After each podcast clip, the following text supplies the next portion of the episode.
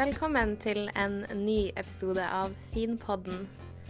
Det har eh, skjedd mye i Nord-Troms eh, siden sist, og vi skal i dag eh, gå litt nærmere inn på et par av de sakene som har stått i fokus for oss de siste dagene.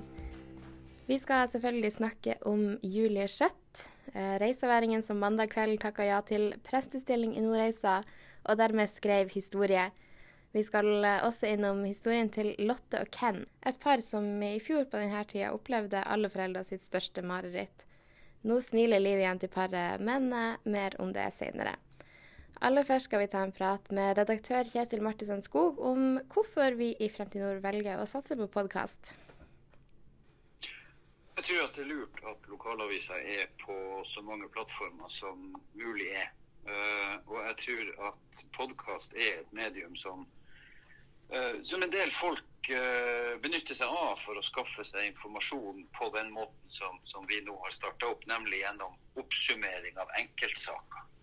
Jeg tror ikke podkast noen gang kan erstatte bulletengsendinger og nyhetssendinger, sånn som vi er vant med på radio. Men podkast kan være et fint medium for å gå i dybden på ting. Sånn som vi gjorde forrige uke, og sånn som du er i ferd med å gjøre nå. Um, for jeg tror at en del av de sakene som vi går inn på, de er såpass komplekse og såpass vanskelige at uh, det kan være greit at vi fra tid til annen forklarer til leseren hvorfor vi har gått inn i en sak, og hva som gjør at vi har uh, tatt den vinkelen? Eh, er det sånn at vi velger side? Er det sånn at vi uh, gjør det her med en agenda? Osv. osv. Det, det tror jeg kan være lurt for, både for vår egen del for å informere leseren om hva vi tenker med det vi gjør, men også i forhold til å rett og slett uh, lære folk litt mer om hvordan journalistikk fungerer. For uh, vi er jo i en periode der vi journalister stort sett får skylda for alt som går galt i politikken. Eh, hørte nylig eh, Venstres nestleder Abid Raja ble spurt om, om, eh, det var sånn at han var ute etter plassen til, til, sin leder, og så svarer han at nei, det er en medieskapt situasjon. Og Det hører vi stadig politikere si, at det er en medieskapt situasjon. Og Vi hører Trump skylde på fake news hele tida. Og Da tror jeg det er ekstra viktig at vi i lokalmedia, også helt ned på de aller minste mediehusene, forklare hva vi holder på med, og forklare hvordan journalistikken vår blir til, og, og hvordan veien er. Uh, sånn at vi kan være en motkraft til de her politikerne som, som bruker oss som, som, en sånn skyllebøtte. For det, det syns jeg er urettferdig. Ja, vi har jo et uh, godt eksempel på en sak som kanskje bør, uh, bør forklares mer i dybden. I går ble det skrevet historie da Julie Skjøtt takka ja til å bli den første kvinnelige presten i Nordreisa og i Nord-Troms. Hva tenker du at dette betyr for, for regionen vår? Jeg tror at uh, det er kjempeviktig at vi signaliserer at Nord-Troms tar steget inn i nåtida, uh, også i kirkelig sektor. Uh, vi var altså det eneste av 108 prostier i hele landet som ikke hadde hatt en eneste kvinnelig prest. Vi har ikke engang hatt, så vidt jeg kan huske, og Mulig at noen kan arrestere meg, men, men, jeg kan ikke huske at vi engang har hatt kvinnelige vikarprester i Nord-Troms. Uh, og tida var overmoden for det. Uh, og Nordreisa kirke har gang på gang forsøkt å få kvinnelig prest, fordi at man har gjennom minnesråd og søknader sagt at man oppfordrer kvinner til å søke. Og så fikk man det med Julie. Og, og jeg må si at jeg syns det, det er kjempeartig at for det første er hun nettopp på Julie Tøtt som, som, kan komme til bygda og, og være den, den, historiske presten som, som, hun kommer til å være for all evig ettertid. Uh, av to grunner. For det første for at jeg, jeg tror, uh, ut ifra de tilbakemeldingene vi får om og Julie Skjøtt, at hun kan være en, en, den rette kvinnelige presten. Og så, tenker jeg at det er faktisk eh, Når vi først skal, skal, på en måte åpne den døra og, og gjøre den døra både vid og høy, for å sitere salmen, så, så, så, tror jeg at det er lurt at hun, Julie er fra Nordreisa. Eh, for hun kjenner forholdene, hun kjenner regionen. Hun er vokst opp som prestedatter i, i Nordreisa. Hun har gått i kirka der. Hun har, har vært eh, med faren sin og, og, og, og, kan det her. Og så skal ingen må ingen tro at man nå får en sånn Hans Eirik Skjøtt light. For det, det skal vi ikke, den fella skal vi ikke gå i. Men jeg, jeg tror at det her er veldig bra. For jeg tror at det, Nord-Troms trenger å, å, å, fornye seg også på kirkelig side. Selv om den læstadianske menigheten ønsker å, å, forbli konservativ og forholde seg til, til det de mener rett, er Skriftens rette ord, så, så tenker jeg at det, det her er, er, bra for regionen. Og så tror jeg òg at uh, Olav Øygard som biskop har vært kjempesmart i det han har gjort nå nettopp. Ja, for Du har eh, snakka med biskopen i dag, eh, og det er altså kommet på plass en løsning for læstadianere og andre som skulle ha noe imot kvinnelige prester også. Eh, kan du fortelle litt om det? Ja, man har jo faktisk gjennom at man har tilsatt hun Julie, så er altså hun Julie Skjøtt gift med han Jens Jovik, som også er prest. Og det er klart at De ønsker jo å bo på samme plass. Og så var det slik at uh, prostestillinga fortsatt er ubesatt. og Dermed så har man ei stilling tilgjengelig. Så nå uh, har man fått sognepresten i Skjervøy til å bekle den stillinga som prost enda et, år til i hvert fall. og Dermed så åpner man lønnsmidler for enda et år som man kan bruke til å ha Jens Jovik i, i hvert fall det første året. Og da har man plutselig to prester i Nordreisa. Uh, og Det betyr at biskopen og kirka i Nordreisa kan ha eh, gudstjenester og sakrament eh, altså fra også en mannlig prest fra tid til annen. Men for all del, og Julie Skjøtt er og blir hovedpresten i Nordreisa. Hun er sognepresten i Nordreisa. Uh, Jens Jovik er prostiprest i hele Nord-Troms. Han skal fungere rundt omkring i hele prostiet. Men det at man har Jovik på Storslett, uh, gjør at man fra tid til annen kan bruke han som, som prest. Uh, og dermed så kan også læstadianerne få en, en mannlig, mannlig, prest til, til enkelte av, av, de gudstjenestene som skal være. Men så tror jeg jo òg jeg, jeg, er helt sikker på at på sikt så kommer stadig flere uh, læstadianere i Nord-Troms til å møte Julie i ulike sammenhenger. For det er klart at den kvinnelige presten vil uh, være den som uh, gjør vigsler uh, som gjør begravelser, som gjør hovedtyngden av de her kirkelige oppgavene. Og, og, og læstadianerne kommer selvfølgelig til å gå til begravelser når, også når Julie Skjøtt er prest. Og da vil de møte henne, bli kjent med henne, og, og, da tror jeg, i likhet med biskopen for Nord-Hålogaland, at, at, man vil se at det her er jo egentlig ikke så farlig. Det her er, man blir rett og slett utfordra på sine egne uh, Jeg skal ikke kalle det fordommer, men, uh, men for, på sin egen overbevisning og, og vil kanskje se at, at det her er ikke så farlig. Mm. Eh, Julie Skjøtt har jo også sagt at hun ønsker å være en prest for, for alle. Og eh, det, vi hadde jo bl.a. et intervju med Maria Steinsvik eh, for et par uker tilbake, hvor hun sier at det er ikke alle læstadianere heller som som ikke vil gå i gudstjenester med, med, kvinnelig prest. Nei, men jeg tror også det er viktig at ikke, vi, at ikke det her blir en sånn oss og dem. Uh, fordi at uh, et, et, Så enkelt tror jeg ikke det er. Og som, som jeg sa i, i, i, min videoblogg her for et par uker siden, er, verden er ikke så svart-hvitt. Altså, vi, vi, er alle sammen en del av den samme kulturen og det samme området. vi er fra i bunn og grunn så er vi det samme folket. Vi har bare ulikt livssyn og vi har ulike ståsted i livet. Uh, og, og, vi må kunne enes. Og, og, Julie sier at hun ønsker å møte alle. og Det tror jeg hun 100% på. at Det er klart at hun ønsker å møte alle. Og jeg tror også at veldig veldig, veldig, veldig mange av de læstadianerne som er i Nord-Troms, de kommer til å ønske Julie hjertelig velkommen som prest. De har ingenting imot Julie som person. Eh, men for en del av dem så er det vanskelig å ha en kvinnelig prest. Eh, og jeg tror at noen av de menneskene vil endre syn. Noen av dem vil stå på sitt. Uh, tror, men så tror jeg også at stadig flere vil komme til å ha et mer moderne syn på akkurat det, i likhet med mange andre endringer som den læstadianske kulturen har gått igjennom de siste 20 årene. Vi, uh, vi må ikke glemme at vi skal ikke mer enn 30-40 år tilbake i tid, så, så hadde ikke læstadianerne uh, TV. de hadde ikke juletre. det var en hel del ting som kulturelt sett ikke var greit som har endra seg. Og jeg tror at, uh, jeg tror at uh, ting endrer seg også der. Men, men, i en del tilfeller så tar det kanskje litt lengre tid. Mm. Men uh, vi kan jo i hvert fall være enige om at det var det her har i hvert fall vært et steg i riktig retning for, for Nord-Troms? Ja, jeg mener jo det.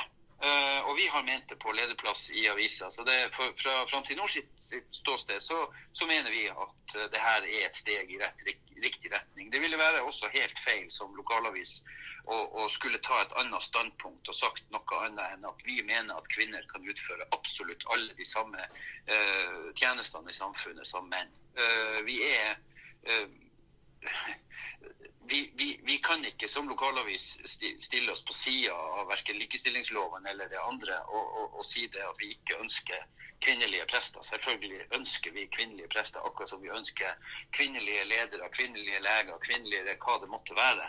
Uh, og jeg er helt sikker på at uh, veldig mange nå vil synes at det er, blir veldig koselig å gå til kirke igjen i Nordreisa. fordi at, uh, og, og jeg håper jo nå at, eh, at Julie Skjøtt ikke skal slite med det samme som, som faren slet med, og som var en av grunnene til at faren slutta, nemlig at det var for få som kom til gudstjeneste for å høre han preke. Uh, nå er det veldig mange som har skrevet på Facebook og rundt omkring at de ønsker henne hjertelig velkommen og ønsker at hun skal være deres hyrde. Da håper jeg at folk folk virkelig viser det overfor Julie og bruker kirka sånn som man har ytra at man kom til å gjøre. Tror du det kommer til å gå flere i gudstjenestene etter man får eh, kvinnelig prest? Ja, jeg tror det. Jeg tror at uh, i den første perioden, i alle fall i den første perioden, så tror jeg det at det kommer til å være mye uh, flere folk i kirka. Uh, så må man selvfølgelig også ta høyde for at, at det er noen som ikke kommer til å gå. Uh, som kommer til å vente på at Jovik skal få rette, eller som kommer til å kun gå til forsamling, eller som til og med kanskje kommer til å dra til andre kirker for å, for å høre Guds ord. Det må man ta høyde for. Sånn at Det kan godt være at summen av pluss og minus blir uh, omtrent null. Uh, men jeg tror uansett at, at en annen menighet nå vil søke mot kirka, og en ny tid. og så er spørsmålet om det vil holde. Eh, er det sånn at eh, de menneskene eh, vil fortsette å gå til kirke over tid, eller er det sånn at de på en måte vil falle tilbake til, til de vanlige søndagssyslene, som å være på hytta eller gå på ski eller sånne ting. Det er jo det som er det er det jeg har stilt meg spørsmålet ved ved et par anledninger. For jeg, jeg tror at det kommer til å gå flere til kirke. Eh, og jeg ser jo på Facebook at det er masse folk som skriver at nå skal vi gå til kirke igjen, for nå blir, det, nå blir, det, nå blir kirka også for oss. Uh, men, men, jeg tenker at de menneskene uh, som da sier det, det er kanskje folk som er forvent med å være på hytta, bruke søndagene til å slappe av. og det er klart at Å gå til kirke klokka, på søndag klokka 11, det er for mange kanskje litt uvant. Mange i dag har jo så vidt fått øynene opp av, av klokka 11 på morgenen. Sitter kanskje enda ved frokostbordet eller sånn. Så jeg tror, uh, jeg tror kanskje det må en annen ting også til. Jeg tror kanskje også at kirka i Nordreisa må se litt på hvordan den skal bli en mer åpen folkekirke i seg sjøl, når de nå får Julie. Og det er jo Julie som sogneprest sin jobb å gjøre kirka til et enda mer tilgjengelig sted. Og Da kan det jo godt være at vi kanskje kommer til å se i framtida gudstjenester som ikke er klokka 11 på søndag nødvendigvis, men som er på andre tidspunkt, og som er på tidspunkt som er mer tilgjengelig for folk. Mm. For jeg tror at folk har et behov for å ha en plass å gå til. Um, og jeg tror at kirka er et, jeg vet at kirka er et samlingspunkt som du søker til når du trenger det. Uh, du ser det i veldig mange sammenhenger at selv ikke-troende mennesker til syvende og sist søker mot kirka.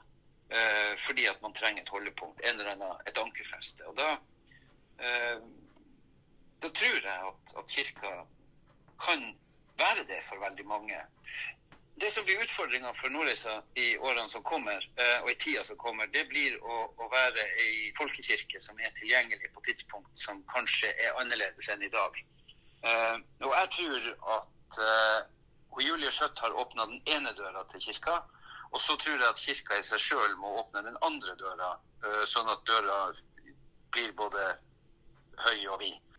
Jeg tror nok at veldig mange som kunne tenke seg å gå til kirke, føler at eh, kirka er utilgjengelig og, og tilårskommen. Det, det, har man i Nordreisa nå åpna for at den ikke er. Eh, og da kan, kan, kirka, med og Julie i spissen som den nye sangpresten, den som, som, leder an og mm. fører an. Ja, vi går en spennende tid i møte i hvert fall. Ikke tvil om det. Det, det, blir, det blir, spennende å se både hvordan, hvordan Eh, kirkebesøkene blir, og hvordan man organiserer seg. Eh, og ikke minst hva som reelt sett blir konsekvensen av, av det som har skjedd. Eh, vi kan bli overraska. Det kan godt være at, at, eh, at læstadianerne gjør som biskopen sier, og sier, tenker at vi skal jammen i hvert fall gå og høre på hva hun har å si. Eh, og så får vi ta en stilling til det. Eh, jeg håper det. Eh, men, men det, vil, det er det kun tida som vil vise. I dagens papiravis og på nett så kan du lese om Lotte og Ken sin nye tilværelse som småbarnsforeldre. Men eh, den idyllen som de nå opplever, den var noe helt annet for bare ett år siden. Min kollega Isabel Haug var forrige uke på besøk hos paret for å la dem fortelle sin historie. Ja, det er morsomt. og, og tøft. Det er- Interessant. Ja. Det er jo selvfølgelig stor forandring i forhold til hva vi har vært vant med fra tidligere. Nå har vi en ny sjef i huset. Hvis vi ser oss eh, tilbake Mm. for omtrent ett år siden, Ja. så var ikke ting like bra hos dere. Nei. Eh, Da var du også gravid med, med lille Josefine. Mm. Eh, Jeg lurte på om dere kan eh, fortelle litt om ja, hva som skjedde. Nei, altså det, det hadde vært et fint svangerskap. Og eh, så langt vi visste, så var alt egentlig normalt. Og eh, så var vi nådd ganske langt ut, eh, helt frem til uke 32 i svangerskapet, før eh, jeg plutselig merka det at det var ikke spark lenger i magen. Så, eh, så tok vi kontakt med jordmor her i, på, eh, på Sånn, Sonjatun. Og så for jeg inn og sjekka, og så prøvde de jo da å leite. eh, Men jeg ville ikke konstatere noe her i reisa. Så vi ble da sendt med luftambulansen til Tromsø. Og der eh, kom det ja, flere jordmødre, og jeg lurer på om det kanskje var fødselslege, og Ja. kom inn da og så på en ultralyd at eh, hjertet til ungen slo ikke. Konstaterte ganske Ja. fort at hjertet ikke slo.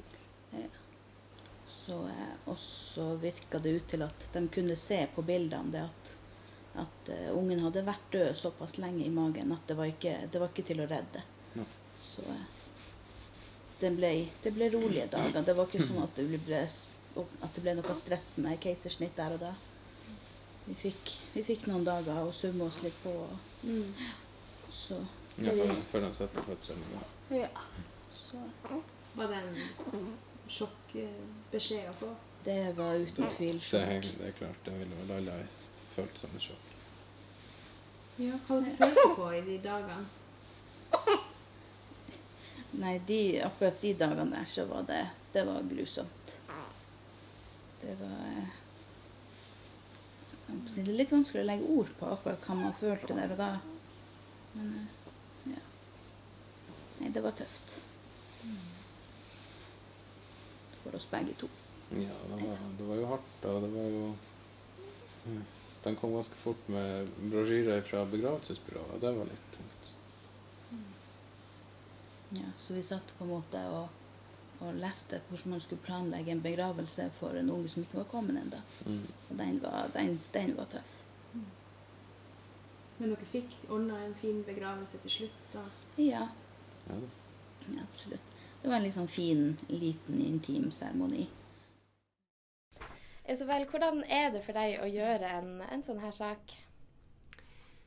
Eh, Jeg brenner jo veldig for å, for å gjøre de her sakene. De litt eh, personlige fortellingene om folk sitt indre følelsesliv. Eh, Fordi jeg syns det er spennende å få et innblikk i dem. Og det kan være både ondt og trist å høre folk fortelle sine historier. Og det kan være ondt for dem å fortelle. Og da, det viktigste er kanskje å legge til rette for at opplevelsen blir så, så ekte som mulig. Eh, At man som journalist da klarer å lytte ordentlig til personen og, og prøve å danne seg et så godt bilde som mulig av, av dem man prater med. Eh, Jeg er jo veldig opptatt av at historier som, som den her med, med Lotte og Ken skal bli så riktig som mulig. Og derfor bruker jeg ofte lydopptaker eh, i intervju, intervjusituasjonen da, for å få eh, sitatene helt riktig. Og for at jeg skal kunne konsentrere meg helt og holdent om, om å prate og lytte, nesten som en god venn. Så jeg, jeg håper i hvert fall at jeg blir oppfatta som en god lytter. Ja, det tror jeg. Hvorfor, eh, hvorfor er det så viktig at, eh, at vi skriver de her type sakene også? vi skriver jo sånne saker først og fremst fordi folk eh, har lyst til å lese dem, tenker jeg. Folk er generelt nysgjerrig på saker som, som omhandler vårt følelsesliv. Eh, som folk kan kjenne seg igjen i. Enhver person kan kjenne seg igjen i, i temaene som vi tar opp. Eh, og så er det jo enkelte temaer som vi, som vi er innom, eh, f.eks. kreftsykdom, eller da jeg skrev om hun dama med Ann Sissel Bjørklid som har parkinson, og som fikk det i tidlig alder, som kan være vanskelig å prate om, og som vi derfor eh, ønsker å åpne opp for ja, videre refleksjoner om. Ikke sant? Ja. For, for dem som stiller opp på de her type sakene, så kan det sikkert være ganske tøft å skulle fortelle om noe som egentlig er så privat. Men har du noen gang opplevd at det blir i overkant tøft for, for deg også? Uh, har, det har ikke enda hendt at, eh, at jeg har eh, begynt å strigråte i en inter intervjusituasjon. Men det er klart at man blir jo veldig prega av sånne type intervju. Og enkelte historier gjør, gjør større inntrykk enn andre. Det har jo også hendt et par ganger at man gir hverandre noen klemmer underveis, og, og det er jo bare hyggelig, tenker jeg. Det var det vi hadde for denne gangen, men følg med. Neste uke er vi tilbake med en ny episode av Finpodden. På fredag kommer også som alltid redaktøren sin fredagsprat, så det er bare å glede seg. Ha det bra.